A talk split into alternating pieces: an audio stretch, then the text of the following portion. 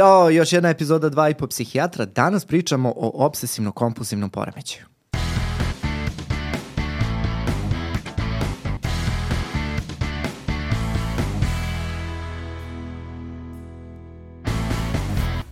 Pre nego što počnemo, imam nekoliko stvari da kažem. Dakle, prvo bih da se zahvalim svim ljudima koji su se subscribe-ovali na naš kanal. Ljudi, prešli smo 20.000 subscribera. To je za nas velika potvrda našeg, našeg sadržaja, da zapravo znamo da uživate i ovaj, prema vašim komentarima vidimo da, da vam je od koristi, što nam je bila, bio i primarni cilj u samom startu. Sa druge strane, moram da se zahvalim svim ljudima koji su se do sada pretplatili na Patreon i da pozovem i ovaj, sve ljude koji do sada to nisu uradili. Ukoliko želite novi dodatni sadržaj i ukoliko želite da vidite epizodu i pre nego što izađe na YouTube-u, bez reklama i drugih distrakcija, slobodno se pretplatite na Patreon. To će mnogo pomoći našem, a, našem celom timu da održimo ovu celu priču i da znate da nam je od velike pomoći.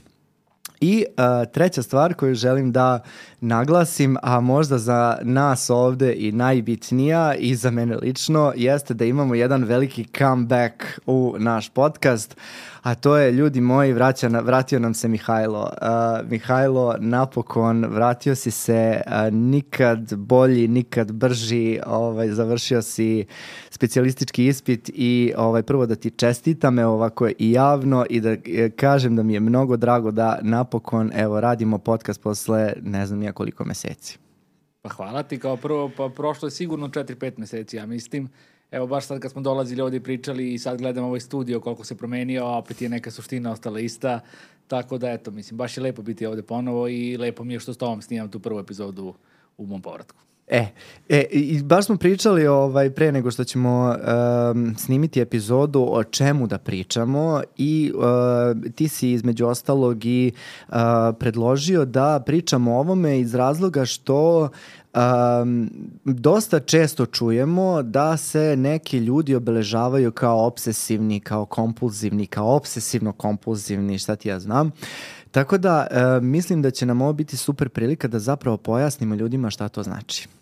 Pa da, mislim da je ovo jedan od onih klasičnih primjera jednog psihijatrijskog poremeća ili stanja koje je obavijeno velom misterije zato što ima ime koje tako zvuči kompleksno i nije baš iz imena jasno da se zaključi nekome ko nije studirao medicinu ili ne poznaje latinske termine, da sad shvati šta je sad to. Zvuči kao nešto ovaj, e, tajanstveno i onda bude obavijeno velom misterije, često se onda pogrešno shvata šta je, šta je to zapravo. Jeste. I, i koje su recimo tvoje, uh, tvoji utisci kada pitaš ljude iz svog okruženja, kada kažeš obsesivno kompulsivni poremeće, šta misliš šta je njima u glavi, a koji nisu naravno iz medicinske struke? Pa mislim da ima nekoliko čestih zabluda. Mislim da jedna zabluda je da se to odnosi na neku preteranu urednost, što ćemo posle, ja mislim, malo detaljnije da pričamo šta je to u stvari. I druga zabluda, mislim da ljudi automatski misle na neke tikove koji su kao neki telesni pokreti nevoljni, da su to neke, ono, da kažem, osnovne uh, predstave ljudi koji ne znaju to nikad nisu videli šta je to. Da. I slažem se s tobom, to jesu najčešće zablude, ali ono što sam ja primetio iz svog okruženja jeste da um, vrlo često ljudi misle da imaju obsesivno kompulzivni poremećaj, ga zapravo nemaju. Odnosno, vrlo lako se donosi zaključak da neko ima obsesivno kompulzivni poremećaj, a prosto je uh, kako da kažem, previše uredan, to što si ti rekao, ili možda previše strašljiv za neke stvari, ili previše uh, voli neku vrstu simetrije, ili se desilo da ima neke uh, neželjene misli u nekom trenutku i da smatra da evo ga, ja imam sad taj poremećaj. E sad, pre nego što u stvari krenemo o bilo čemu da pričamo, mislim da bi bilo dobro da kao uh, definišemo šta bi obsesivni kompulzivni poremećaj zapravo bio i onda da, da pričamo uopšte šta nije, ali pre nego što to uradimo, da ja tebe pitam, jesi li ti imao neke obsesivne misli zbog čega si u nekom trenutku u životu pomislio čekaj pa ili ja imam OKP? E pa da, dobro, da bi ti odgovorio na ovo mislim da ovaj, poći ću odavde. Znači, isto kao što je obavijen velo misterije zbog imena, isto tako imamo pojavu da ljudi uh, sam, se samo diagnostikuju nakon što se pretražuju na internetu, na primjer, eto, koji su simptomi OKP-a i kad naiđu na neki sajt gde ima navedena neka lista simptoma, gde samo prosto spisak bez ikakvog uh, da kažem, akcenta na to koliko ti simptomi utiču, koliko su izraženi i koliko nekog ometaju u funkcionisanju. I onda je to nešto na šta možemo lako da se pronađemo u tome kad tražimo. Velika većina ljudi zato što svi imamo neke obsesije i neke kompulzije. Tako da mi izdajete, možda je najbolje da definišemo prvo šta su obsesije, a šta su kompulzije. Ajde. Znači, obsesije, odnosno obsesivne misli, nisu kad je neko nečim obsednut u smislu da mnogo o nečemu razmišlja. Kao, to, je, to je ono isto još jedna zabluda iz naroda. Ovaj. Velika obsesija su neke misli koje su neželjene, koje se nama javljaju, nameću protiv naše volje. Mi znamo da su to naše misli, ali ne želimo da ih imamo. I to je, na primjer, to, eto, kod, ima da navede neki primer, ako sad ja razmišljam to da li sam zaključio kuću ili nisam i kao, iako ja znam da jesam, ako mi se to nekako čačka me i, i izjeda me, onda ovaj, je to obsesivna misla. Znači, ja ne, ne želim da imam, ali znam da je moja. A kompulzije su nešto što nastaje kao, da kažem, odgovor na obsesiju i služi da e, smanji taj nivo tenzije i napetosti koje obsesije izazivaju. Znači, to je kao neka, neko odbrambeno ponašanje protiv obsesija. I to, na primjer, ako sad ja nisam siguran da li sam zaključao vrata, ja ću da se vratim i tri puta da provarim da otključam, zaključam vrata da bih mogao to. E sad, kompulzije mogu biti tako vidljive ponašanja, mogu biti i mentalne kompulzije, znači da ne budu samo ne, da ne budu neki konkretna vidljiva ponašanja, nego mogu da neki mentalni rituali, često su to neka prebrojavanja i preračunavanja u glavi koja se koje se oba, ovaj, odvijaju. I sad, mislim, svi mi imamo... A čekaj, recimo, jesi ti imao nekad? E, pa da. da. Znači, svi mi imamo neke simptome. Ja se sećam još kao mali i sad je bila ta ovaj, uh, na primer, uh, ovaj naš glavni trg u Smederevu je, ima neke poploča nekim pločicama. I sad na svakih desetak metara pločice su bile neke boje neutralne. Bež je bio jedan red roze pločica. I, na primjer, ja sam imao, ako preko jednog tog reda pređem desnom nogom, preko sledećeg moram levo. Znaš, I to sam osjećao kao neka, kao kad pređem desnom nogu da postoji neka težina u njoj koja može da se izbalansira tek kada se levom pređe. Ili, na primjer, ono na pojačavanje na TV-u kao mora da bude paran broj uvek. Znaš, nerviralo me kad je neparan broj. Eto, znači, to su te neke, ovaj, da kažem, male obsesivne misli koje dosta ljudi ima. Ne, ali fenomenalno to za pojačavanje. Dosta mi je ljudi to reklo, nikad mi to nije bilo jasno. Isto kao što moje obsesije nekim ljudima nisu bile jasne. Ja imam veliki problem sa raspremanjem. ja mnogo volim uh, vrste kućnih poslova na kojima uh, se vidi produkt mog rada. Ne znam kako bi to objasnio. Dakle, ja mnogo volim da peglam ili recimo da čistim bele površine, zato što se na njima najviše a, najviše vidi kako, koliko je nešto čisto ili najviše, znaš ono kad ispeglaš nešto pa je savršeno ravno. Eto, to, je, to su neke moje i um, to je što se tiče čistoće. Naravno, volim red, evo kao što može, mislim ne vide sad ovaj gledaoci koji gledaju ovaj video naš sadržaj, ali e, nekako kod mene je uvek to sve savršeno posloženo. Ja imam tu neku malo, malo ovaj kompulziju da, da ređam stvari po, po nekom, nekom svoj kako sam ja to zamislio. I sa druge strane imao sam, imao sam možda čak i, da kažem, pravu kompulziju, pravu obsesivnu misao, to je recimo kad vozim. Ne znam da si nekada ovaj, e, razmišljao o tome, e, prođe ti kroz glavu u nekom momentu šta ako se sad zakucam u zid. I kao da je mi prođe ta mentalna slika mm. zakucavanja mene u, u bankinu ili u auto ispred sebe. Da, pa im ne, ali ima i to, i to imaju ljudi često, a i mislim da sam ja doživao nekada, na primjer, to kad si na nekoj visokoj terasi zgradi, kao šta ako skočim sad. Da. Znaš, kao šta da. je bilo da ja skočim sad. Jest. Jest. To šta ja ako želim da skočim. Jest, jeste, jeste. I to je ono nešto što uznemirava i onda se kao odgovor na to javlja kompulzija. Dakle, javlja se neka vrsta radnje koju će, koja će tu... Koja poništava, stvari. Tako, da poništi, tu misao. Jeste, da poništi tu odvratnu misao koja ti se u tom trenutku javila. Recimo, evo, sad kad si pomenuo to sa visine, to isto imam. Hvala ti na tome. Uh, u Ušću ili nekom tako ono tržnom centru kad, kad se popnem na Aha, onaj na, e, na drugi sprat i vidiš drugi, dole da je da prolazi. I jako mi je jezivo kad vidim taj popločani pod mm. i gledam dole i gleda i nekad moram priznati da mi prođe slika mene kako ležim kako ležim dole i sad onda kao b, uzmem kao presaberi se sad i kao otklanjam sebi te misli nekim kom, uh, nekim kompulzijama. To naravno nisu sad neke kompulzije da ću ja sad pričat ćemo o tome šta sve kompulzije mogu da budu pa da ću sad da palim gasim svetlo nego ja pokušavam to da neutralizujem. Dakle, pokušam da izbrišem te misli iz glave drugim nekim mislima. I to su ove mentalne kompulzije o kojima si ti pričao. Da. Da. Pa dobro, i zašto onda ti i ja nemamo obsesivno kompulsivni poremećaj, to je ono što sam je pitao, a e, i da kažem, mislim, tu onda moramo da dovedemo ono što sam rekao malo pre, zbog čega je opasno kad ljudi pretražuju samo i samo diagnostikuju se, što ne postoji to nešto što se zove stepen disfunkcionalnosti koji ipak može da se nekako proceni što ne postoji to koliko to vremena oduzima često, nego budu dobili ljudi samo spisak simptoma. Znači nisu samo simptomi neophodni, nego je bito njihov uh, kvalitet i kvantitet, odnosno u stvari bolje rečeno intenzitet tih simptoma. Znači, kod ljudi koji imaju obsesivno kompulsivni poremećaj, ovi simptomi obsesija i pratilnih kompulzija su takvi da ljude značajno ometaju u njihovom funkcionisanju i oduzimaju im mnogo, mnogo vremena koje onda oni ne mogu da usmere na ove druge životne aktivnosti i dolaze do jedne zna, značajne disfunkcionalnosti. Tako je. I e, mislim da je stvarno ključno to što smo ovaj to što smo naglasili jer uh, puko pretraživanje simptoma može da dovede da se mnogo ljudi nakon naše ove epizode samo dijagnostikuje kao OKP. I to je upravo ono što mi kad kažemo OKP mislim na obsesivno kompulzivni poremećaj da se ljudi ne bune.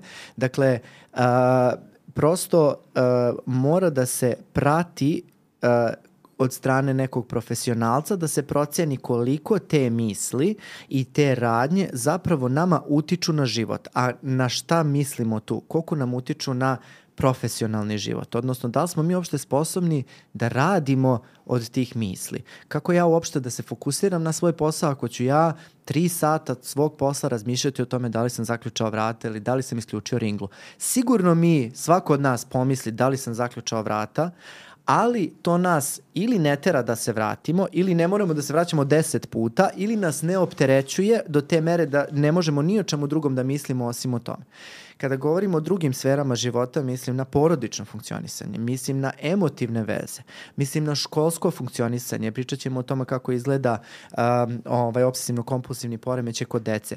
Tako da, um, u tom nekom smislu mora da se, ovo što si upravo lepo naglasio, da se vidi taj kvalitet i kvantitet tih simptoma i taj uticaj simptoma na svakodnevno funkcionisanje. E sad, uh, mislim da ne smemo nekako brzo da preletimo preko samih simptoma, da, da nekako ih možda i malo bolje ovaj, opišemo, pa ajde da se zadržimo sada na obsesijama. Uh, dakle, već si naglasio da su to neke neželjene misli koje nam se nameću protiv naše volje, ali si u jednom trenutku i rekao da znamo da su naše. A šta to znači?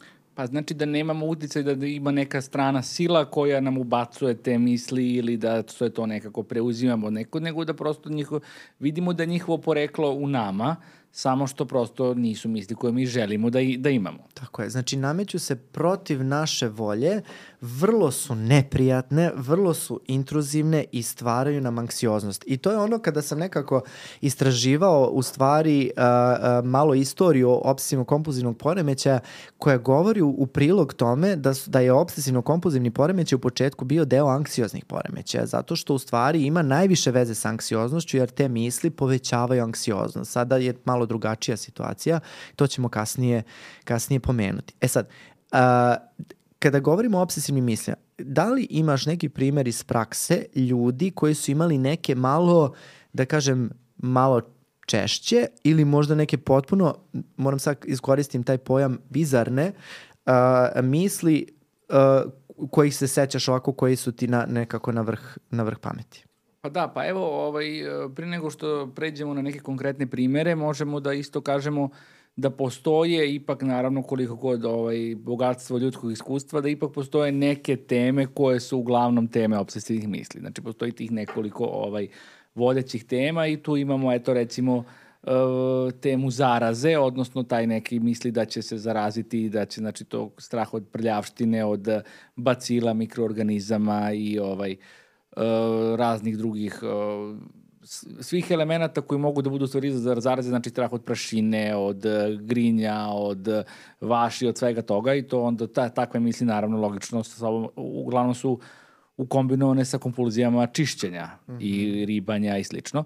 E, I postoje naravno ovaj neke agresivne ovaj, koje su jako neprijatne jer mogu da izovu jače krivice kod onog kojih ima. Naprimjer, kada neko ima misli, uh, misli da ubije svoje ukućane ili tako nešto, da ih povredi, da, i to je, s obzirom da kažem da osoba nekako ovaj, ne želi da ih ima, a ima ih, onda je normalno da izazivaju velike osjećaje krivice ovaj, kad se jave. Postoje naravno neke uh, ideje grešnosti religijske, gde kao se nameću misli da neko nije dovoljno dobar, adekvatan, da je zaslužio neku vrstu kazne. Isto su povezane sa krivicom. Uh, postoje naravno i seksualne neprijatne ovaj, obsesivne misli i to da je to je važno zato što to je zato važno da edukovati pacijente da shvate da te misli zapravo ne znače njiho, uvek njihove stvarne želje jer time možemo malo da im pomognemo da nemaju tu krivicu jer ljudi obično krivicu kažu pa šta ako ja u stvari ovo stvarno želim Da. da šta ako stvarno želim da ubijem ne znam, svog oca, majku ili dete i to, a zapravo mislim nije tako. Da, ono što je bila moja asocijacija kada sam uh, se bavio malo više obsesijama jeste da su često obsesije povezane sa vrstom ličnosti i načinom života kako ta osoba vodi svoj život. I sad si nabrojao, eto, to su nam neke najčešće teme. Ima raznih, mislim sad ne moramo se bavimo svim i svačima, ali to su neke, da kažem, ovaj, e, najčešće. I uh, recimo, o, moram da kažem da su um, na neki način imaju smisla kada ti upoznaš tu osobu. Recimo, hiperreligiozna osoba će imati obsesivne misli, često, ne naravno uvek to ne mora da znači, ali može imati nešto u skladu sa tim načinom vođenja svog života. Recimo, oni imaju strašne misli da mogu da opsuju u crkvi ili da će da izvrše neki veliki masakr, što se potpuno... uh, Posle sa njihovim nekim vrednostima i načelima. Da. Tako je, tako je. Znači, e, imam osjećaj da t- se stvara jedna potpuna suprotnost u odnosu na njihov način vođenja života. Evo, konkretno, kod, e, kod mene se javljaju te malo e, obsesije e, reda, e, kako bih rekao, simetrije. To su neke stvari koje su dominantne za moj život, što ja mogu da prepoznam da je u skladu sa mojom ličnošću koja jeste donekle i perfekcionistička i da kažem volim tako da mi sve bude samo da vidiš moje mailove, mislim, znaš, i moje poruke kako izgledaju, znači ne daj Bože da pošaljem bez zareza i tačke i tako dalje. Tako da ima, e, ima neke, nekog sklada sa našim načinom, načinom funkcionisanja i Uh, i govorimo nešto uh, da je sve ono što u stvari objedinjuje obsesivne misli je ta anksioznost.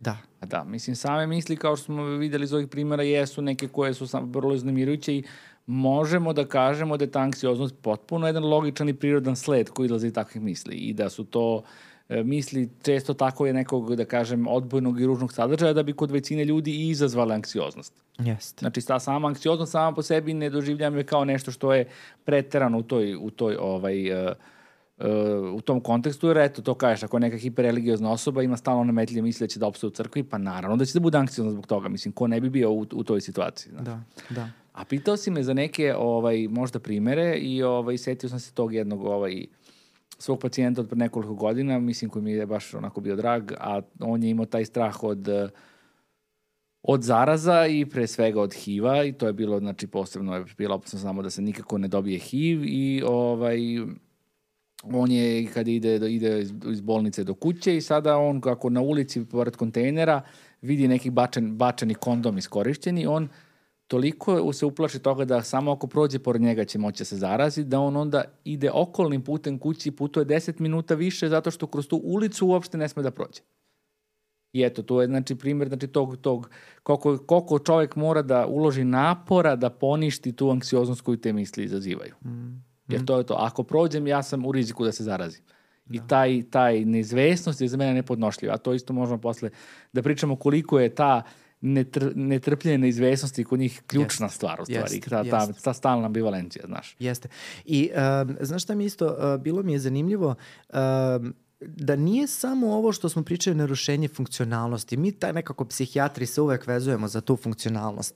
Ali nije samo to. Moram da priznam da, da je jedan od, i, i od ključnih stvari koja se javlja kod obsesije je njihova uh, stalnost, odnosno perzistentnost. One se stalno vraćaju. Mi ovo nekako navodimo olako naše uh, obsesije koje su u stvari jave se jednom pa se ne jave. Ili se jave jednog dana nekoliko puta pa se više ne javljaju. Dakle, ne možemo da imamo obsesivno-kompulzivni poremećaj ako smo jednog dana u nekom trenutku kad smo bili pod stresom ili smo bili umorni ili nas je nešto strašno iznerviralo pa smo pomislili da treba ubijemo od svog šefa, na primer, a, ne možemo to da sebe stavimo u kategoriju. Znači, one se stalno vraćaju, stalno nas uznemiravaju i e, potpuno su, da kažem, persistentne i preuzimaju kontrolu nad našim životom. I to je ono što je u stvari ključ u celoj stvari, koliko one u stvari preuzimaju uh, ceo naš život. E pa to što si rekao, u stvari mi se baš sviđa, to preuzimaju kontrolu nad našim životom, jer je u stvari ceo život se onda nekako organizuje oko simptoma OKP-a. Jeste. I ne samo pacijenta, nego i svih njihovih ukućana. Jer ako neko, na primjer, mora da posle svakog obroka opere ruke 18 puta, i ako će da zauzme WC na pola sata, onda je vrlo nekako očigledno da to utiče na život cele porodice koja živi u toj kući. Jeste. I to je, eto, nekako, znači to postaje centralna figura, da kažemo, u životu. E, sad, a, e, samo sam teo, da kad smo već kod porodičnog funkcionisanja, jako mi je bitno sad, pričat ćemo o tome i kako ljudi reaguju na OKP i sve to, ali e, e, znaš šta mi je isto bitno? Prva reakcija porodice, pošto evo, najviše radim sa porodicama pa znam. Dakle, prva reakcija porodice je nemoj to da radiš što to radiš, nekako ta konfrontacija i uh, ajde molim te prestani to da radiš. Znači, E, šta ti misliš, koliko to može da pomogne? Mislim, koliko to u stvari ima, ima smisla kod osobe koja ima obsesivne misli?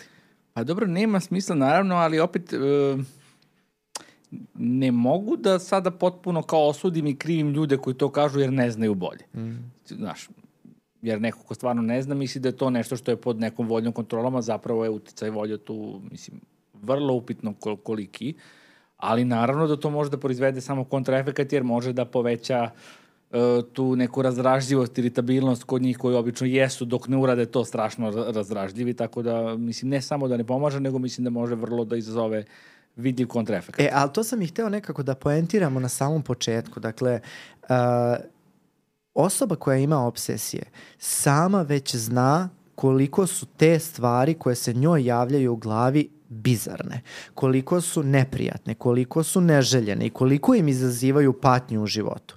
I još ako mi uh, u nekom slučaju moram da priznam da mnogi pacijenti ne priznaju svoje obsesije ili većinu ne smeju da priznaju zato što ih je sramota. Zato kako mislim kako bi tebi bilo da moraš nekome da priznaš da imaš misli da ćeš nekoga seksualno da napadneš ili da ćeš uh, da ubiješ popa u crkvi, na primer. To su jako neprijatne i jako, da kažem, e, misli koje izazivaju veliku sramotu. I uh, ta konfrontacija i, i, i moram da kažem znači, da, da taj deo napada porodice ili uh, ili, ili oni, znaš one motivacione poruke, možeš ti to, ajde pokušaj i tako dalje, da mogu stvari da stvare, jako mi se sviđa što si rekao, da stvaraju kontraefekat i čak i da prodube tu kliničku sliku zato što te osobe su upravo što si rekao anksiozne i samo nekako, da kažem, tonu dublje u tu svoju krivicu, u svoju nesigurnost o samom tome, povući će se u sebe i onda razviti neku sekundarnu, odnosno neku nadogradnju na to, taj sam simptom i razviti neku depresiju ili neki drugi anksiozni poremećaj. Pa da. Pa da, mislim, ovaj, e, znaš, teško je porodicama to da naravno ovaj, vide nekog svog člana da to radi, mislim, s obzirom na to neprijatno, ali mislim da, si, da, da je mnogo važno ovo što si rekao, da se naglasi koliko je ljude često sramota svojih simptoma i koliko se u stvari, zapravo kad gledaš one neke epidemiološke studije, nekako i ogroman broj njih se nikad ne javlja na lečenje, ili se javlja tek kada postanu toliko disfunkcionalni da nemaju druge. Znači, to, to je jedan od poremećaja koji se jako dugo, nažalost, trpi.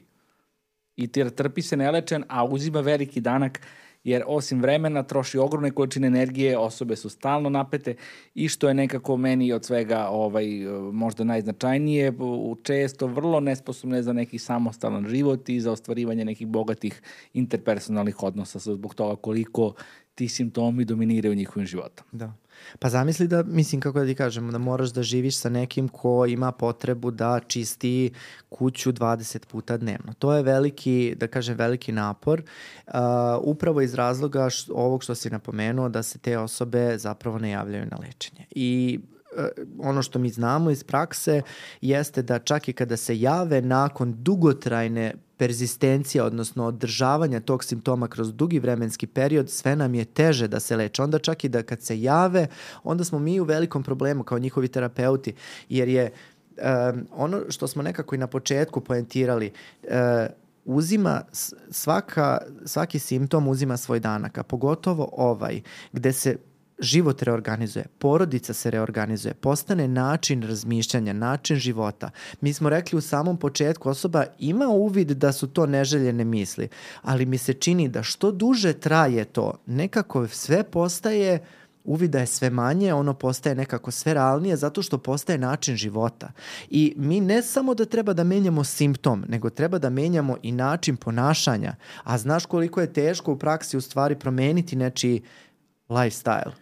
Pa da, ali eto, sad pričaš o svim tim njihovim hendikipima i eto, kod mene je tu, za mene je tu posebno tragično to kada ti pogledaš kako oni žive, mislim sada naravno ovaj, da uvek može biti izuzetaka, ali prosto nekako priroda tak tih simptoma i njihovog porekla, o čemu možemo posle da pričamo, kako kroz stalnu tu ambivalenciju, to kao da li sam ili nisam, da li mogu ovo ili ne mogu, da li, to je stalno jedna, da kažem, blokada nekog uh, energetskog toka kroz telo. Svaki pokret je zaustavljen, svaki pokret ka spolje je zaustavljen i oni žive živote koji su nekako rigidni, emocionalno siromašni i bez mnogo boje u tim životima. Zato što, znaš, sve je nekako stegnuto. Njihova Ali istr... tela su da. stegnuta da. i stalno su u nekom grču, da li, ne, da li da, da li ne. Da li da se prikažem, da li ne. I onda su u tom nekom limbu gde večno lutaju, a prosto nikad ne nalaze nikakav odgovor na to. Koliko god puta oni uradili svoje rituale i to, to je samo nekako privremeno olakšanje koje samo vodi u dalju disfunkcionalnosti i to postaje vremenom sve gore i gore.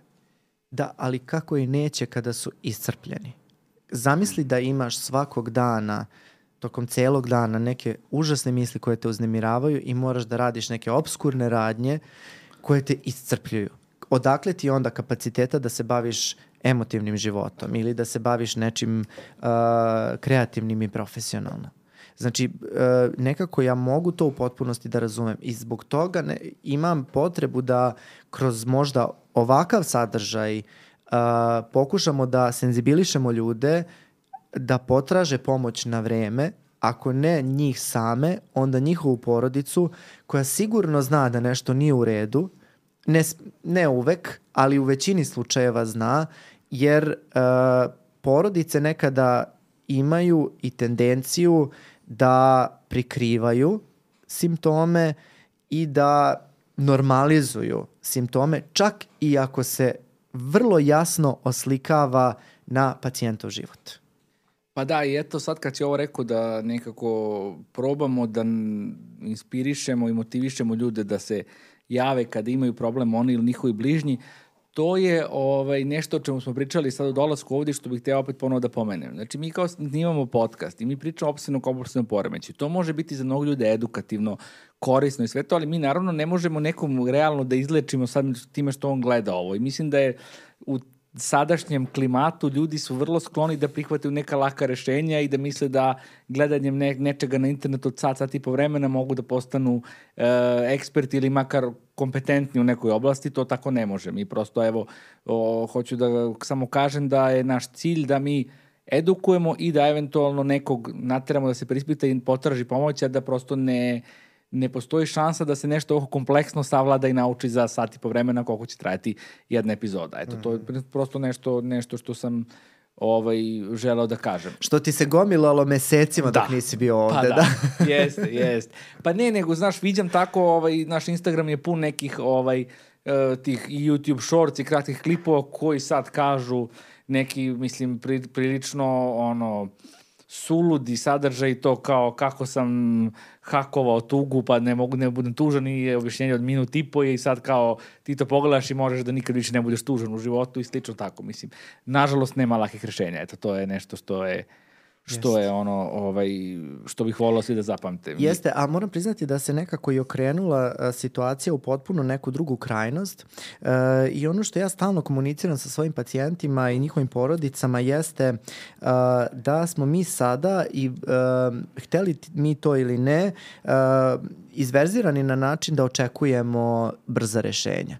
I sada, evo, imamo i primere iz kliničke prakse gde dolaze e, roditelji i smatraju da će svoje dete da poprave, da poprave pod znacima navoda i da ga, od, ovaj, da kažem, a, neutralizuju nje, simptome za recimo nedelju, dve dana ili na osnovu jednog magičnog leka, a taj simptom u tom detetu ili toj osobi se valjao 3, 4, 5 godina. To je prosto nemoguće i potpuno se krši sa bilo kojom sa bilo kakvim zdravim razumom, da ne pričamo o klinici.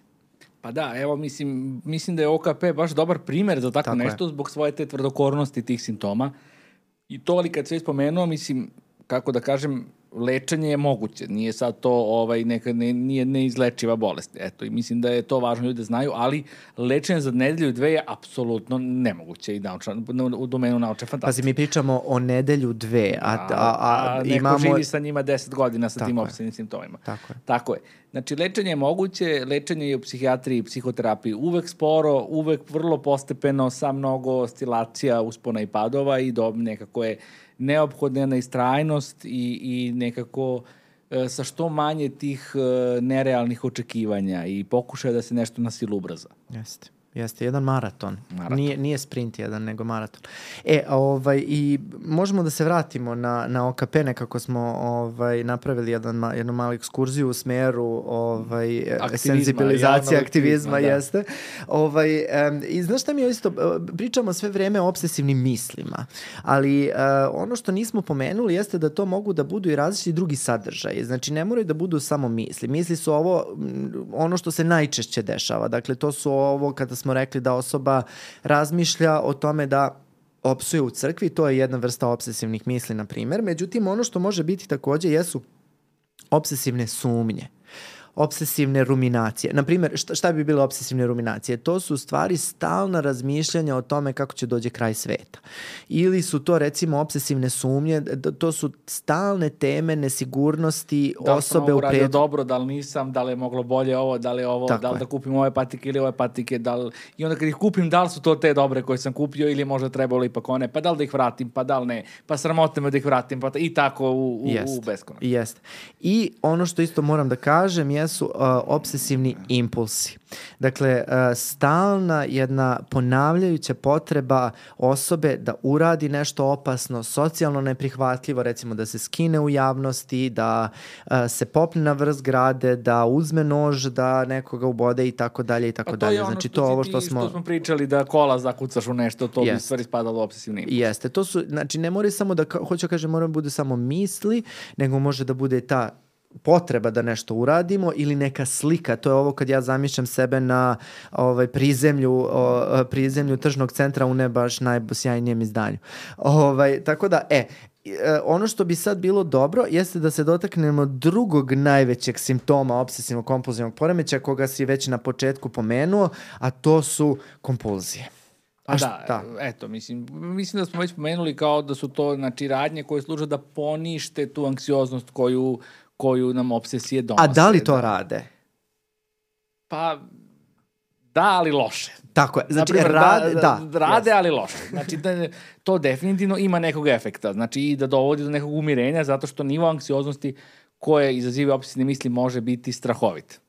I da osoba prosto ne može da izdrži ni, i ne može ništa više. Uh, kompulzije ipak daju neko kratkotrajno, delimično olakšanje. E, ali mislim da je ključno to što si rekao, dakle kratkotrajno rešenje. Na duge staze kompulzije samo podhranjuju obsesivno-kompulzivni sindrom, odnosno stalno ga uh, uh, podhranjuju te strahove i tu anksioznost i nastavljaju. A sad sam istraživao zašto se to u stvari uopšte dešava, to je meni bilo uh, fascinantno. Kako je moguće da osoba izabere kompulziju da svaki put da je reši anksioznost i nikada se ne um, i nikada se ne odluči za neku drugu vrstu savladavanja anksioznosti. I ono što sam našao kao objašnjenje jeste jedna psihološka teorija koja govori u prilog tome da naš mozak tu kompulziju uh, vidi kao jedno spasonosno rešenje u tom momentu koje se ponavlja i stalno rešava nas anksioznosti.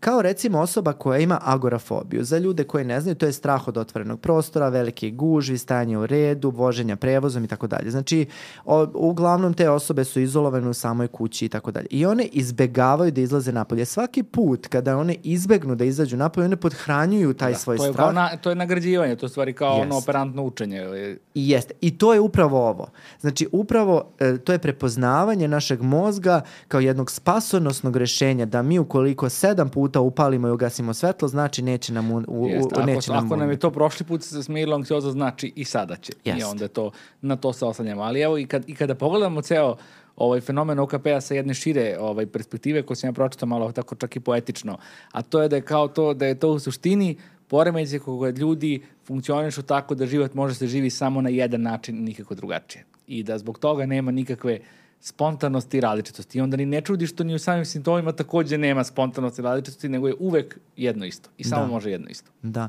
I uh, pričali smo ranije ovaj, o ovome, uh, o filmovima koji su rađeni uh, na temu OKP-a i uh, onaj film sa Jackom Nicholsonom o kojem smo As pričali. gets. Da.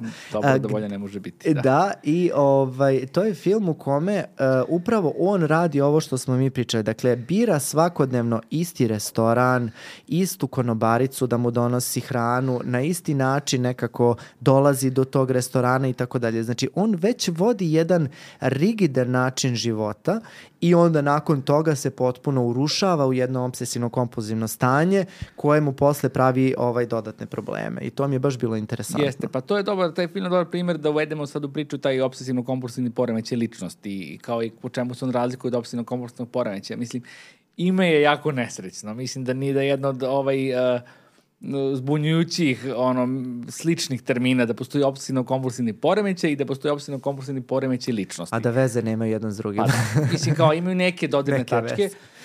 Znači evo da mislim kažemo par reči to o to opsivno kompulsivni poremećaj ličnosti, o poremećaju ličnosti ste već i pričali ovaj više puta, tako da naši slušalci uglavnom i znaju ovaj već po nešto o ovaj toj značajnoj grupi.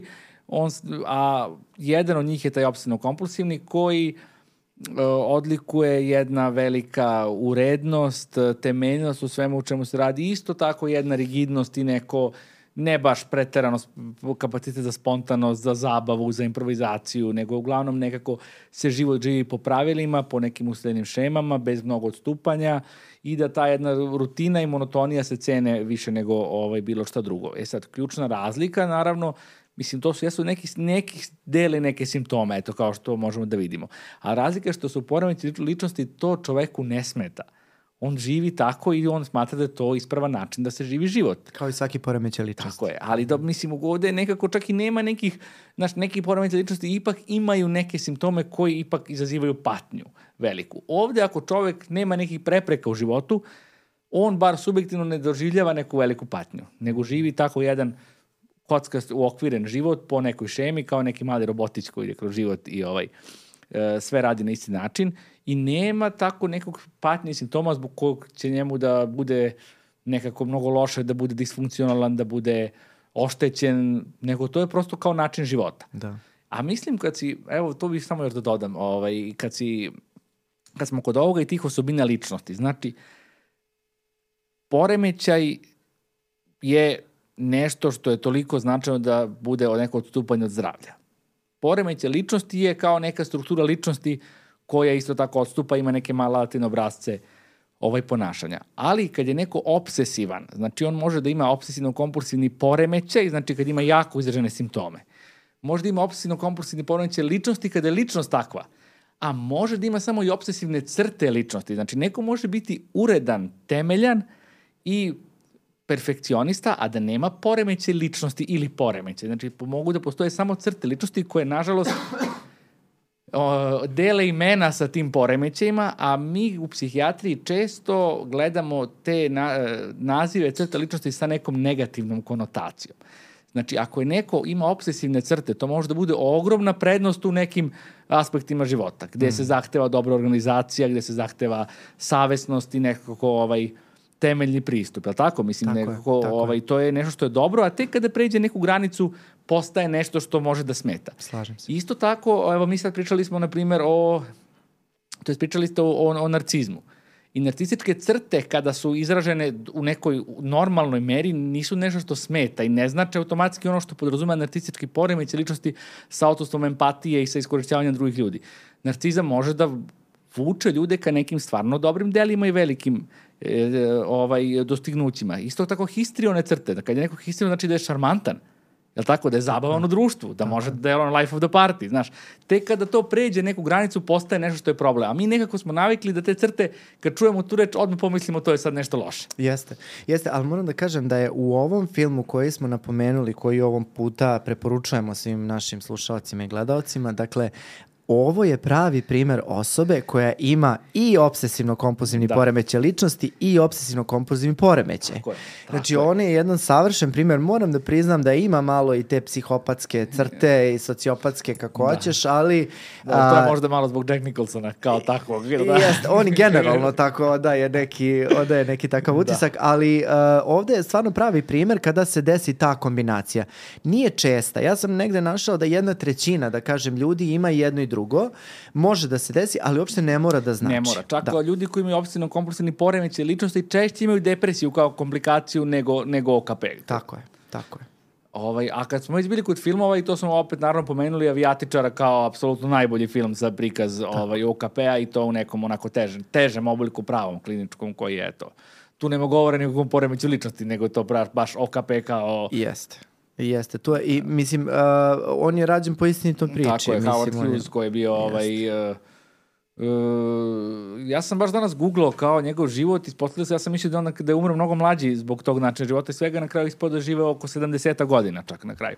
Ali jeste na kraju života bio potpuno zapušten sa kosom, dugom bradom, dugačkim noktima i taj suludi paradoks gde čovek koji se toliko plaši, na primjer, bacila, da neće da se rukuje sa lekarom koji je kod njega, a ovamo ima ogromne prljave nokte i živi u ono, ne, neraščićenim stvarima. Jeste. Jeste, i kada pričamo o poznatim ličnostima, meni je bila ekstremno interesantna priča o pevaču iz Ramonsa, ovaj, koji je isto patio od uh, obsesivno-kompulsivnog poremeća. Ja sam Ramonsa slušao kao dete, i, ali moram priznati da nisam ranije znao da je to u stvari bio jedan od razloga kako je on umro. Ne znam da li si znao Nemam za to. pojma za tu priču. Da. da, znači on je imao jedan uh, ozbiljan obsesivno kompulsivni poremećaj koji se u jednom trenutku pogoršao kada su oni išli na, na neku svoju turneju I on je imao upravo ovo što smo pričali, um, obsesije um, nesigurnosti i proveravanja. Znači, stalno mislio nije zaključao vrata, stalno mislio nije postavio sve kako treba u stanu i tako. I kad god bi oni išli na koncert, um, o, ceo bend bi njega čekao uh, ispred zgrade i po dva, tri sata. I uh, u jednom trenutku oni su otišli neki koncert i on je čak uh, morao da napusti uh, snimanje Uh, da li to bila neka emisija ili koncert, nisam baš siguran, uh, iz razloga što nije mogao da sedi tamo ili da stoji, da bude na nekom drugom mestu, jer je sve vreme razmišljao da li je dobro zaključao vrata. Krenuo je kući, i ovaj okliznuo se, slomio kuk i umro od posledica uh, sloma preloma kuka.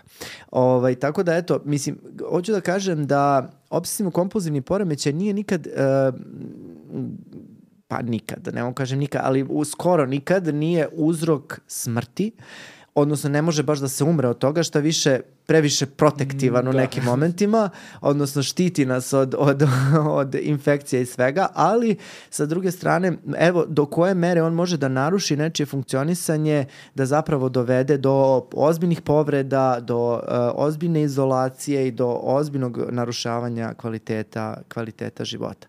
I samo da, dok ne zaboravim, uh, kada smo pričali o kompulzijama, uh, mi smo rekli da su to te nesvrsishodne radnje i sve to, ali um, i u jednom trenutku si pomenuo da one mogu da budu motorne, odnosno neke naši pokreti, ponašajne, nešto ponašajne, da, kažemo, da. da, i mogu da budu mentalne, je li tako? A na šta si mislio?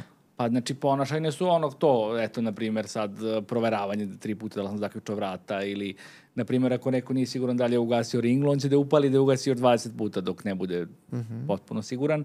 Ili to, na primjer, evo on je moj primjer života, ono kao hodanje preko linija jednom desnom, jednom levom nogom, to je, to je na primjer, eto, ovaj jedan, jedan ovaj motorni pokret dok ovaj te mentalne mogu da budu samo neka vrsta, to kažeš, misli koje služe da zamene ove druge misli, ja kažem, često se baziraju na nekom brojanju. I to, da se izbroji do tri, da se nekako nešto tri puta ponovi ili sedam puta da se ponovi, ili da se izrecituje nešto, na primjer, što je na što smiruje. Znači, to je isti efekt, samo što eto nešto, se, nešto je prosto onako nama s polja vidljivo, a nešto se dešava u glavi. Baš zato što su te e, mentalne kompulzije zapravo nisu, ne mogu da se detektuju. Se nekada mislilo da, da postoje obsesivno kompulsivni poremećaj gde postoje samo obsesije i gde postoje i obsesije i kompulzije. Sada je pitanje da li zapravo postoji čist obsesivni oblik i da li mi možemo ikada garantujemo da ne postoje neke makar diskretne mentalne radnje koje služe da se samo malo ublaži ta anksioznost od tih obsesivnih misli. Apsolutno se slažem sa tobom. Čak mi u našim diagnostičkim priručnicima imamo kategoriju obsesivno-kompulzivni poremećaj bez kompulzija, odnosno koje čine samo obsesije ali e, nekako imamo celu jednu struju novih istraživača koji govori u prilog tome da obsesije zapravo ne mogu da idu bez kompulzija, pa makar te kompulzije bile potpuno nevidljive nama golim okom Jest. ili čak i možda i neprimetne osobi koja ih doživljava. To recimo može da se objasni najlakše uh, ovim mojim primerom gde ja imam te kompulzije neutralizacije misli. A šta bi to značilo? Znači da ti u jednom momentu imaš neku odvratnu sliku pred očima, neke, ne, neku vrlo eksplicitno uh, krvavu sliku ili šta ti ja znam, koja ti je neprijatna u tom trenutku i ti pokušaš da je potisneš ili zameniš drugom mišlju.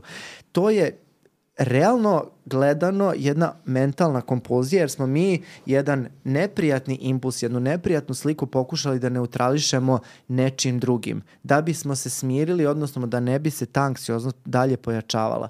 To je definicija obsesivno Jeste, pa i mislim, to je ono, znaš, naravno da kod različitih ljudi oni mogu biti različitog intenziteta, jedan ili drugi aspekt od ovih dva obsesije kompulzije. I jeste, naravno, nekada za sam tretman je korisno da znamo da li neko ima pretežno problem zbog obsesivnih misli ili zbog kompulzije, jer ćemo moći drugačije tehnike da, terapije da primenjujemo.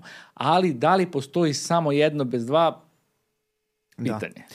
E sad, um, mislim da smo u jednom trenutku i napomenuli, ali uh, bitno mi je i da to naglasimo. Dakle, kompulzije su vrlo često srodne sa obsesijama. Ono što si rekao, dakle, kada si govorio o obsesivnim mislima, na primer, obsesivne misli simetrije su najčešće vezane za kompulzije postavljanja nečega u red. Ili obsesivne misli nesigurnosti ili... Za proveravanje. Za da. proveravanje, da. Znači, ob, obično Tako, imaju, imaju nekog neku smisla. logičku vezu ili ob, obsesije zaraze sa pranjem, znaš, to ima neka, postoji neka jasna veza, ovaj, a nekada i nema uopšte. Da, na primer, e, e, imam, to. imam neki primer, da, sad, sad to ću da, ti da. kažem. Dakle, imao sam nekoliko pacijenata sa ozbiljnim obsesivnim kompulzivnim um, sindromima I, I neki od najinteresantnijih recimo bilo je ovo kada je slučaj kad su srodne jedne i druge a, stvari, a to je recimo imao sam pacijentkinju koja je strašno a, bila uplašena od zaraze i prala je u početku je bilo to pranje ruku. I to je nešto što se najčešće, ja mislim da kad pomeneš OKP ljudi pomisle na pranje ruku.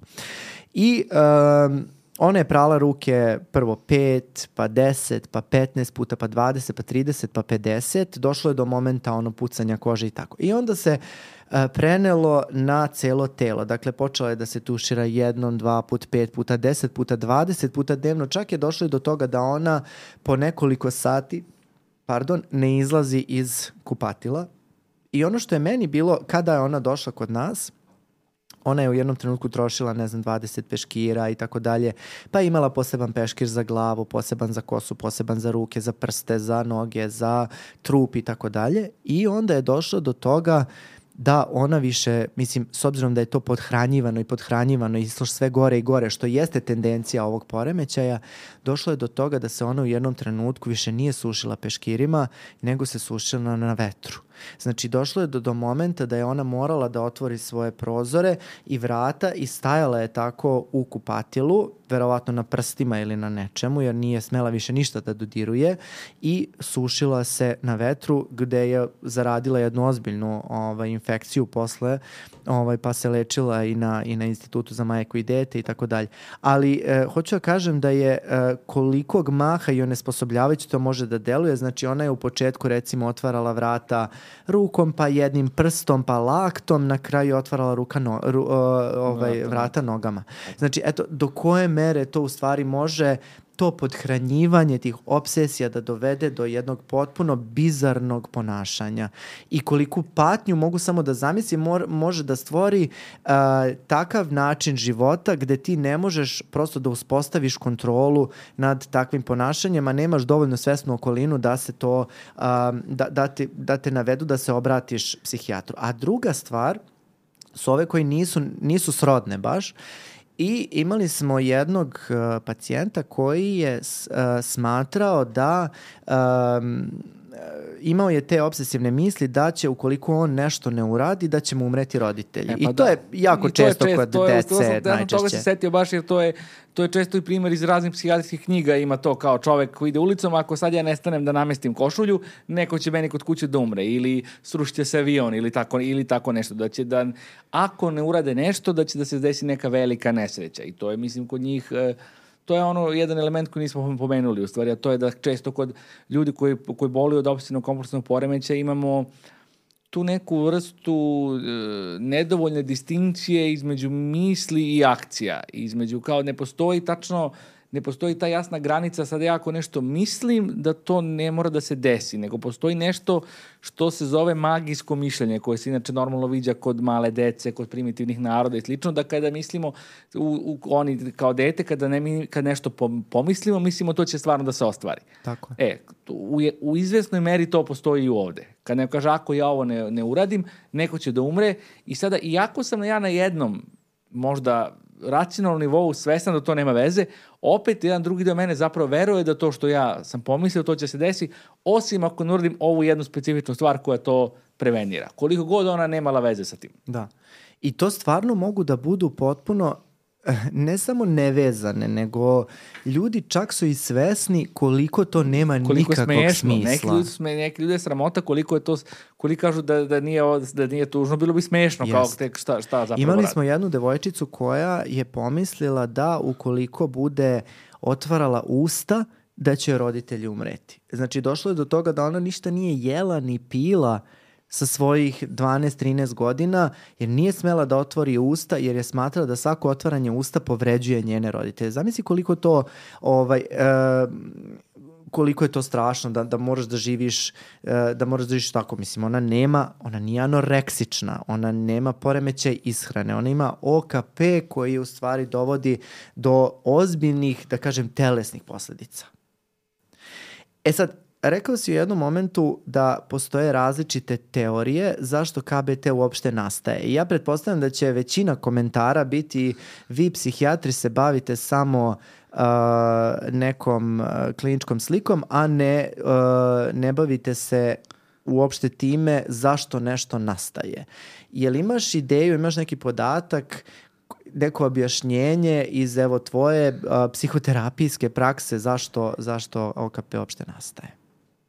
Pa dobro, naravno da postoje na, teorije. Pojente je što uopšte nije tačno da se kao psihijatri ne bave ovaj, a posao psihoterapeut isto da se ne bave uh, zašto nešto nastaje. Samo je prosto, kako da kažem, mi ne možemo nikad da imamo neka sigurna objašnjenja. Mi možda imamo teorije i pretpostavke, ali s obzirom da se bavimo nečim što je u velikoj meri nematerijalno kada ne postoji neki jasan organski uzrok, odnosno, mislim, ne kažem nematerijalno kao je to nešto sada e, ne znam, transcendentalno, samo prosto ne postoje nikakvi instrumenti trenutno koji bi mogli da izmere bilo šta, znači mi možemo da imamo hipoteze i možemo kroz praksu da proveramo hipoteze i naravno da svaka hipoteza, mislim, ljudi polaze iz različitih uglovara, znači iz različitih edukacija, psihoterapijskih pravaca, imaju potpuno drugačiji ugao posmatranja na nešto i svako će da ima svoju neku hipotezu koja će da bude do nekle validna. Mm. Ali, mislim, pitanje je sad da li mi možemo da imamo neko pravo objašnjenje zašto nastaje, na primjer, to. Ja se evo mogu da kažem iz uh, svoje ovaj, perspektive, s obzirom da se ja bavim gestalt terapijom, gde je ključan taj uh, ciklus kontakta, to je, ajde da mora kažem ukratko kako, bi, kako to izgleda generalno, pa da onda kažemo na ovom, ovaj, na ovom uh, poremećaju, to je da uh, prosto ja kao organizam postojim se dovode u ovoj sredini u interakciji sa njom i da imam neke potrebe. I sad koja je meni dominantna potreba, to će meni da se javi u mojoj svesti. I sad naravno koristi se često uh, primer sa pijenjem jer je tako neko zgodan i ja sam to ovaj, često ljudima objašnjavao. Na primer, ja sam sada žedan i šta je sad prva stvar koja se dešava? Prvo, ja osetim suvoću u grlu. Znači, to je nekao neki nivo senzacije. Zatim, to nekako na svesnom nivou ja obradim i kao, ej, ja sam žedan, treba da nešto pijem. Onda ide faza mobilizacije gde ja planiram kao šta ću da uradim i kako ću. Evo sad tu mi je čaša, treba da, da, da uzmem i to. I onda faza akcije u kojoj ja to uzimam i, pije, i onda ide pijem vodu pijenje vode je nešto zove pun kontakt, onda da ja zapravo kao razmenjujem nešto sa svojom sredinom, u smislu, znači ja uzimam te hran, hranljive materije iz vode, zadovoljam svoju potrebu, onda spuštam, to je neka faza post kontakta, odnosno faza zadovoljstva gde ja asimilujem to iskustvo, na primjer, moje pijenje vode i onda sam u stanju neke plodne praznine, da dok se ne javi sledeća potreba. potreba. I stalno postoji to je taj ciklus to je, potrebe. Je, da. ciklus kontakta. Kontakta, se, izvini. Aha. I znači stalno mi naravno ne, uvek imamo više potreba i uvek su neke dominantne, neke su malo više u pozadini. E sada, kod po nekim ovaj, gestalt teoretičarima, ali kažem i tu postoje silna neslaganja što sam vidio sad dok sam ovaj čitao. Znači, ni u okviru jedne, ni jedne teorije ne možete vi da nađete ljude da se potpuno slažu. Pa zato su i teorije, Tako mislim, je. da. Uh, u, znači, po gestaltu generalno mnogi simptomi nastaju kad se na različitim mestima u tom ciklusu kontakta desi prekid, odnosno zastoj. I ovde se zastoj da upravo u toj fazi mobilizacije i akcije, kad ja treba da to uradim. I zato kod njih postoji ta ambivalencija, kao da li da da ne, da li da ovo, da li da ne. Šta znači ako uzmem, šta znači ako ne uzmem. I neko blokirano je ekspresija organizma u trudu kad se on oseti energizovano. Jer kao da postoji strah od te svoje energizovanosti. Mm -hmm. A, jer energizovanost sa sobom nosi neku vrstu agresivnosti. A kod OKP uvek postoji strah od agresivnosti i seksualnosti, zato su to često i teme obsesivnih misli. Mm -hmm. Tako da ovaj, ima isto još jedna priča interesantna ovaj, koju bih rekao, postoji naravno one ovaj, dosta, dosta je poznata ovako i, i širim narodnim masama, je Freudova uh, ovaj, teorija psihoseksualnog razvoja, gde postoje one neke faze oral, e, oralne, analne i slično, kako, kako ovaj, dete razvije, koje, razvija se, koje su mu ključne ovaj, potrebe u tom periodu i sad ta prva faza, oralna faza koja je glavna, glavni akt dojanje, to ti svako ovaj, znaš, pošto da se baviš decom, koliko je važan taj kontakt majke i deteta ovaj, tokom dojenja i sad kod Freuda je to oralna faza bila jedna, jedna pasivna faza iz ugla bebe, jer ono samo prima zapravo dojku i, ovaj, i mleko od majke. E sad, taj Fritz Perls koji je pravio u stvari prvu teoriju gestalt terapije je rekao da ipak postoji jedna druga kao podfaza isto koja je agresivna faza. To je kada dete prvi put dobije zube i kada on ugrize dojku majke i kako je to zapravo prvo ispoljavanje neke agresivnosti od strane deteta. Pritom što mora se reći da on agresivnost shvata ne samo u negativnom kontekstu, nego svaki pokret ka svetu je kao neka vrsta agresivnosti. Da.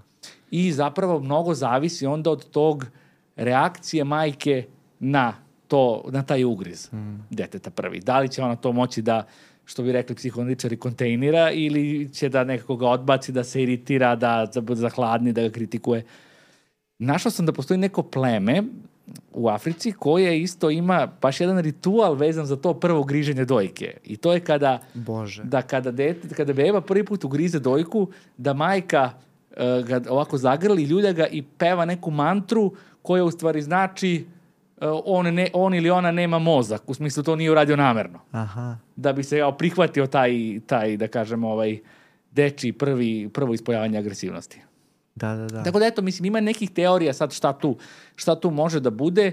Uh, te teorije su važne, ali uh, kad smo, dođemo do nekog tretmana i kako to lečiti, čak i psihoterapijski, nije čak ni uvek ključno kako je nešto nastalo, da bi moglo da se, da se leči. Mislim, sad bi me vratno neki psihoanalitičari razapeli, ali eto, da. prosto mislim, mi u gestaltu radimo se ovde i sada iskustvima i ovaj, bez neke potrebe da se potpuno rekonstruiše prošlost. Naravno da se sa prošlošću radi u onoj meri koja je prisutna u sadašnjosti, ali hoću da kažem da naravno da je teško da mi realno sa pacijentom uh, saznamo kako je bilo reakcija njegove majke kada je on prvi put zagrizao dojku. Mislim, hoću, ali hoću kažem, to nije presudno uvek za tretman. Da.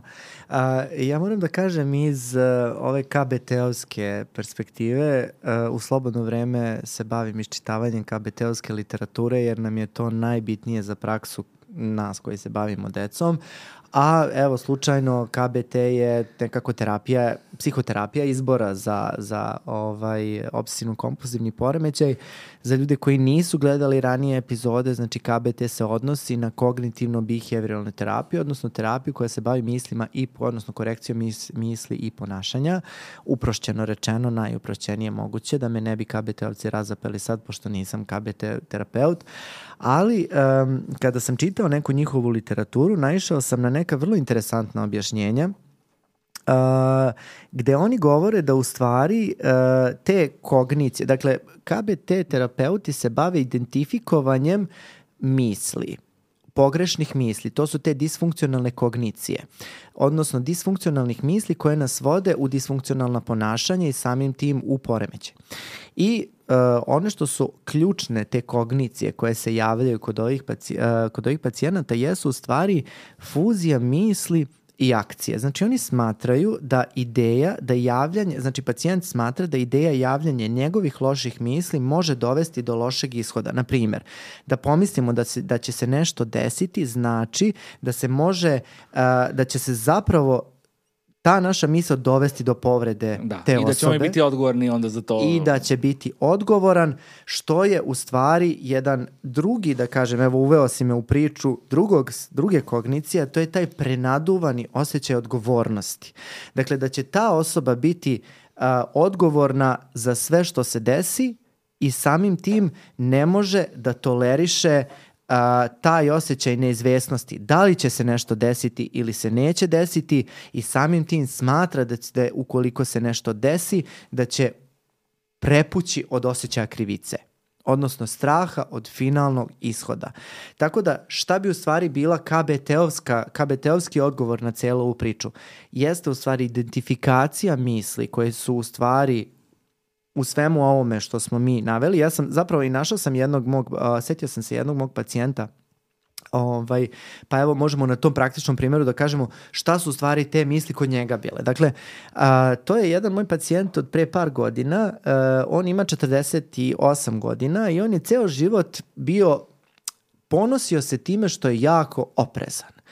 I a, ponosio se tim svojim standardima opreznosti. Ne znam kako da kažem, on je, on je tako bio ponosan time što on stalno je vodio računa o tome da se niko ne povredi, da se on ne povredi i tako dalje. I to je bio nekako njegov način života. Međutim, i naravno, šta misliš šta je radio? Mislim, radio je o osiguranju, naravno. I sad, ovaj, onog momenta kada je on dobio napređenje na poslu, gde su se njegove obaveze nekako utrostručile, tada je, uh, su se i njegovi simptomi OKP-a značajno pogoršali do momenta da on nije mogao da napusti sobstvenu zgradu. Znači, pazi, on kad krene na posao, on se 10 do 20, 30, 50 puta vrati, da vidi da li je dobro posložio čaše koje su stajale, da vidi da li je isključio rernu, da vidi da li je postavio peglu na pravo mm -hmm. mesto i tako dalje i tako dalje. E sad, kada sam malo uh, uh, razgovarao sa njim na tu temu šta je u stvari bio njegov strah, on je smatrao da će manjak njegove odpreznosti dovesti do katastrofe za koju će on biti odgovoran i da će ga ta krivica uništiti.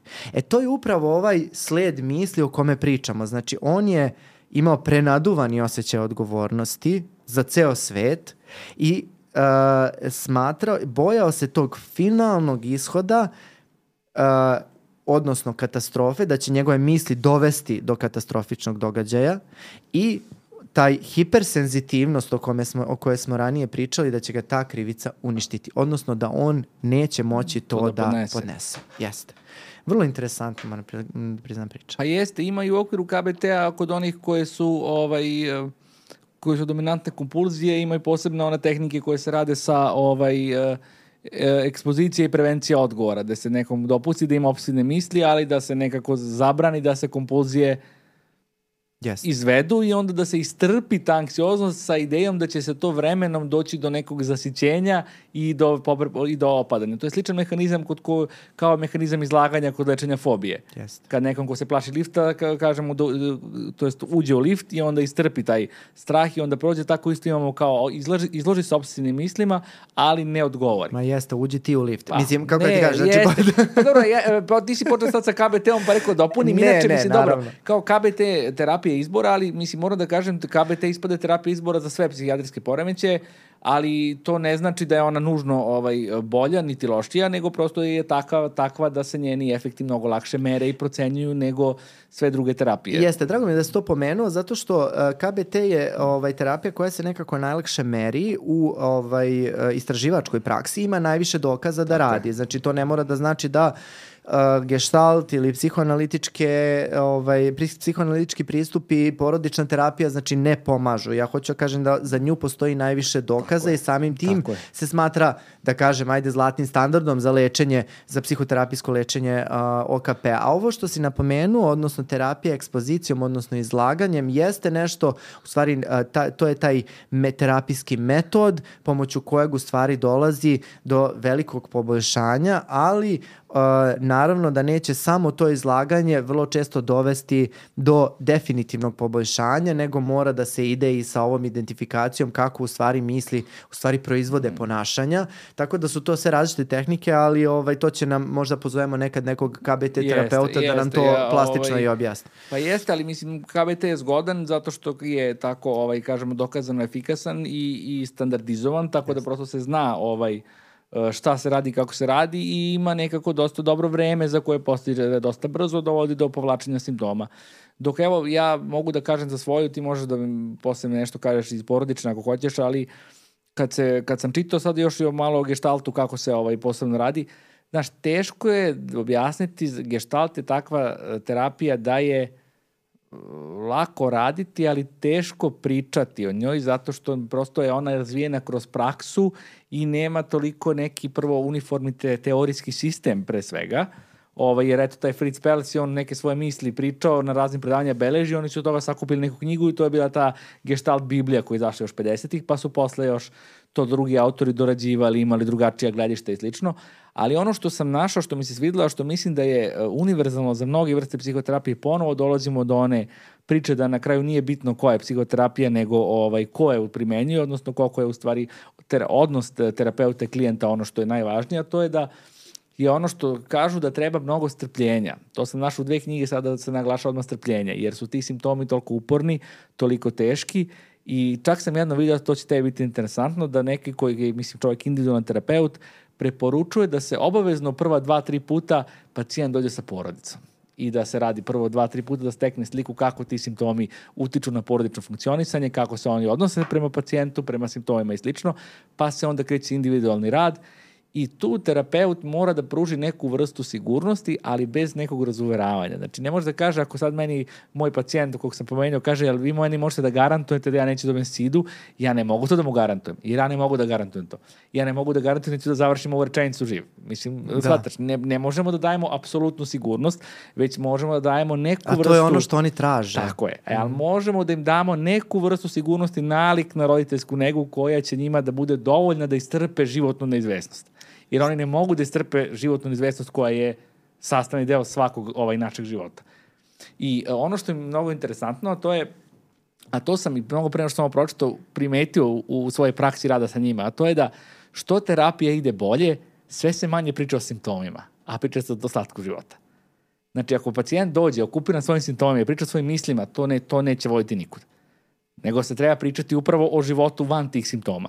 I ono što si rekao u početku, oni imaju utisak da su ti simptomi stalno tu, a zapravo kad se malo dublje zađe nisu baš stalno u istoj meri, nego tačno ima koji neki teški sadržaj izazivaju pogoršanje simptoma. U, na ovom tom pacijentu koji je dobio napređenje se to jasno vidi, ali ovako i generalno koji imaju neke specifične porodične dinamiku i neke zategnute odnose, tačno se vidi kakvi porodični konflikti odnosi do, do, do, do, do pojačanja simptoma. Yes. I to pomaže pacijentima jer mogu te simptome da im daju uh, prostor i vreme kad se javljaju. Inače imaju utisak da su oni svuda i ono, bez, bez prostora i bre, bez vremena. Jeste. Tako da što se više, što se manje priča o simptomima, to terapija bolje ide. Jeste, i to je nekako, moram priznati, i poenta uh, sistemske porodične terapije. Ne, ne priča o simptomima, nego činjenica da se simptom izdvoji iz pacijenta i da se prenese na porodicu. Dakle, ja ne mogu da kažem sa sigurnošću, uh, mi dosta često u mi koji smo edukaciji iz sistemske porodične, uh, mnogo, moram da priznam, stavljamo teret na celu porodicu i stavljamo teret na roditelje, što moram priznati nije bez razloga. Ali, kada govorimo o obsesivnom kompulsivnom poremećaju, tu znamo da postoje dokazane neurobiološke promene, odnosno postoje promene u hormonima koji teku kroz naše neurone, mozak i tako dalje. Tu postoji i genetska predispozicija. Tu postoji sijaset različitih razloga zašto bi se, i naravno sam sklop ličnosti i tako dalje, znači sijaset različitih razloga zašto bi se kod nekoga OKP uopšte javio. E, ne mogu da kažem da je porodica prouzrokovač simptoma, ali je svakako faktor pogoršanja ili ti poboljšanja. Znači i ono što jako mi je fenomenalno što si naglasio je da, da i u drugim terapijama porodica mora da dođe jer mi mnogo insistiramo na tome jer su vrlo često faktor, ako ne okidanja simptoma, onda i pogoršanja, ali šta može da dovede do samo poboljšanja, to je poboljšanje funkcionisanja celog porodičnog sistema. Jer ako se porodica zajedno preispita šta oni rade da doprinesu stvaranju i pogoršanju nečije kliničke slike, to je jedini način da se taj simptom u potpunosti neutrališe. Jer mi vrlo često do dobijamo pacijente, moram priznati onako, sad ću odvratno to reći, istovare nam ih u ordinaciju i kaže moje dete ima obsesivne misli, popravite mi ga, reši problem. I uh, ti onda kada kreneš da ispituješ roditelje zapravo o njihovim načinima funkcionisanja, o njihovim primarnim porodicama, ti u stvari vidiš jedan obrazac koji se kroz generacije prenosi načina razmišljanja, načina rešavanja problema, načina života, uh, načina uh, uh, bilo kakve vrste funkcionisanja, koje u stvari se generacijski prenose i onda se zakače, moram tako da kažem, pardon, na najslabiju kariku. A to je obično dete u najranjivijem periodu, a to je pubertet, kada krene razvoj svih tih simptoma i porodica je upravo faktor koji taj simptom održava i nekako ga vrlo često i pogoršava. I jedini način da ga rešimo, odnosno da se to dete izvrti iz cele te situacije, jeste da se ceo porodični sistem promeni. I na tome uvek insistiram. Pa jeste i sviđa mi se ovo što si pričao to da je to često neki, da su tu neki braci ponašanja koji su transgeneracijski. Jer nekako mislim da često dobijamo kritiku kao e vi psihijatri samo krivite roditelje za sve. Znaš kao sve je poteklo od roditelja i to i cela ta ovaj, priča i psihoanalitička o važnosti ranog razvoja i sve ispostavi se da roditelji imaju ogromnu odgovornost i ako naprave neki pogrešan mali korak, eto, dete tu ceo život ode nekim pogrešnim putem, znaš. I ovo što ti kažeš nam nekako jasno govori da nije baš tako i da su to, da nekako nije ideja da iko krivimo, niti da krivac postoji u velikoj većini slučajeva. Naravno da postoje ovaj, e, traume, izlostavljači, nasilnici i slično, ali u velikoj većini normalnih porodica ne postoji neko ko je krivac već prosto su taj, ti obraci se ponašaju, se ponavljaju generaciju u generaciju, a oni su verovatno nekad nastali čak iz dobrih razloga, jer nekad je to možda bio jedini način da se preživi. Taj neki, na primjer, specifičan način rešavanja problema ili tako nešto i to se onda prenosi, a postaje vremenom sve manje i manje adekvatno za, za decu i onda dovodi do na kraju razvoja nekog poremeća. I mislim da je tužna činjenica, ali utešna u smislu da oslobađa neke uh, neadekvatne odgovornosti i krivice, to da ne mora roditelj da bude nešto loš prema detu da bi dete imalo neki problem. Nekad je to, nažalost, samo neka neusklađenost njihovih temperamenata ili prosto nekako ne, ne, ne nalaženje na neko istoj talasnoj dužini koje može da, na, može da bude uprkos najboljoj nameri i posvećenosti. Jest. posvećenošću. Jeste. I evo, za kraj nekako da, da, da vidimo šta bi ti imao da poručiš nekome ko pati od obsesivnog kompulzivnog poremećaja ili ukoliko u porodici ili svom bližem okruženju ima nekoga ko ima takav problem. Pa da ima nade Znaš, da ima nade i da se s tim može boriti. Da. Ja sam isto i poruku imao za sam kraj, odnosno da je problem rešiv, da je izlečiv, da što se pre jave, to će nama biti lakše da im pružimo pomoć. Što budu otvoreni da im se pomogne, to će im se lakše pomoći. I imao bi jedan isto jedan, jednu poruku za, za porodice – a to je da upravo ne rade ovo što smo mi, o čemu smo mi danas pričali, da ne pritiskaju, da ne pokušaju, da ne pokušavaju sami da preobrate osobu i uh, da prosto nadam se da će im ova epizoda pomoći da razumeju šta ti simptomi znače i koliko ova bolest u stvari opterećuje i narušava kvalitet života i nadam se s obzirom da vrlo često osobe koje imaju obsesivno-kompulzivni poremećaj smatraju da lude, da gube razum, da će da prosto da im se život završi na psihijatriji, da to nije tako, da ovo nije znak Ludila. ludila i gubitka razuma, nego da je ovo problem kao i svaki drugi i da rešenje ima. Tako je. Da se naoružaju sa osjećanjem i strpljenjem za sebe i svoje bližnje. Jeste. E, mnogo mi je drago da si se vratio. Stvarno. Baš mi je drago. Ništa, ljudi, ovo je bila još jedna epizoda. E, mnogo nam je drago, ovaj, pored toga što nam se Mihajlo vratio i što ste i dalje sa nama. Ja ću vas zamoliti još jednom da čekirate naš Patreon. Dakle, svake nedelje tu izbacujemo dodatni sadržaj. Znači, ne samo da ćete dobiti epizodu napred, nego dobijate i dodatni sadržaj koji snimamo posebno za naše Patreonđije. Možete da zaberete svoj status, vidjet ćete kada odete na Patreon, da ćete da budete deo naš, odnosno da budete i po dva i po psihijatra, odnosno naš specijalizant ili ovaj, samo pridruženi član, odaberite bilo koju opciju koja je vama komfortna u tom trenutku. Tako da ljudi do sledeće nedelje vidimo se i družimo se, slušamo se. Ćao!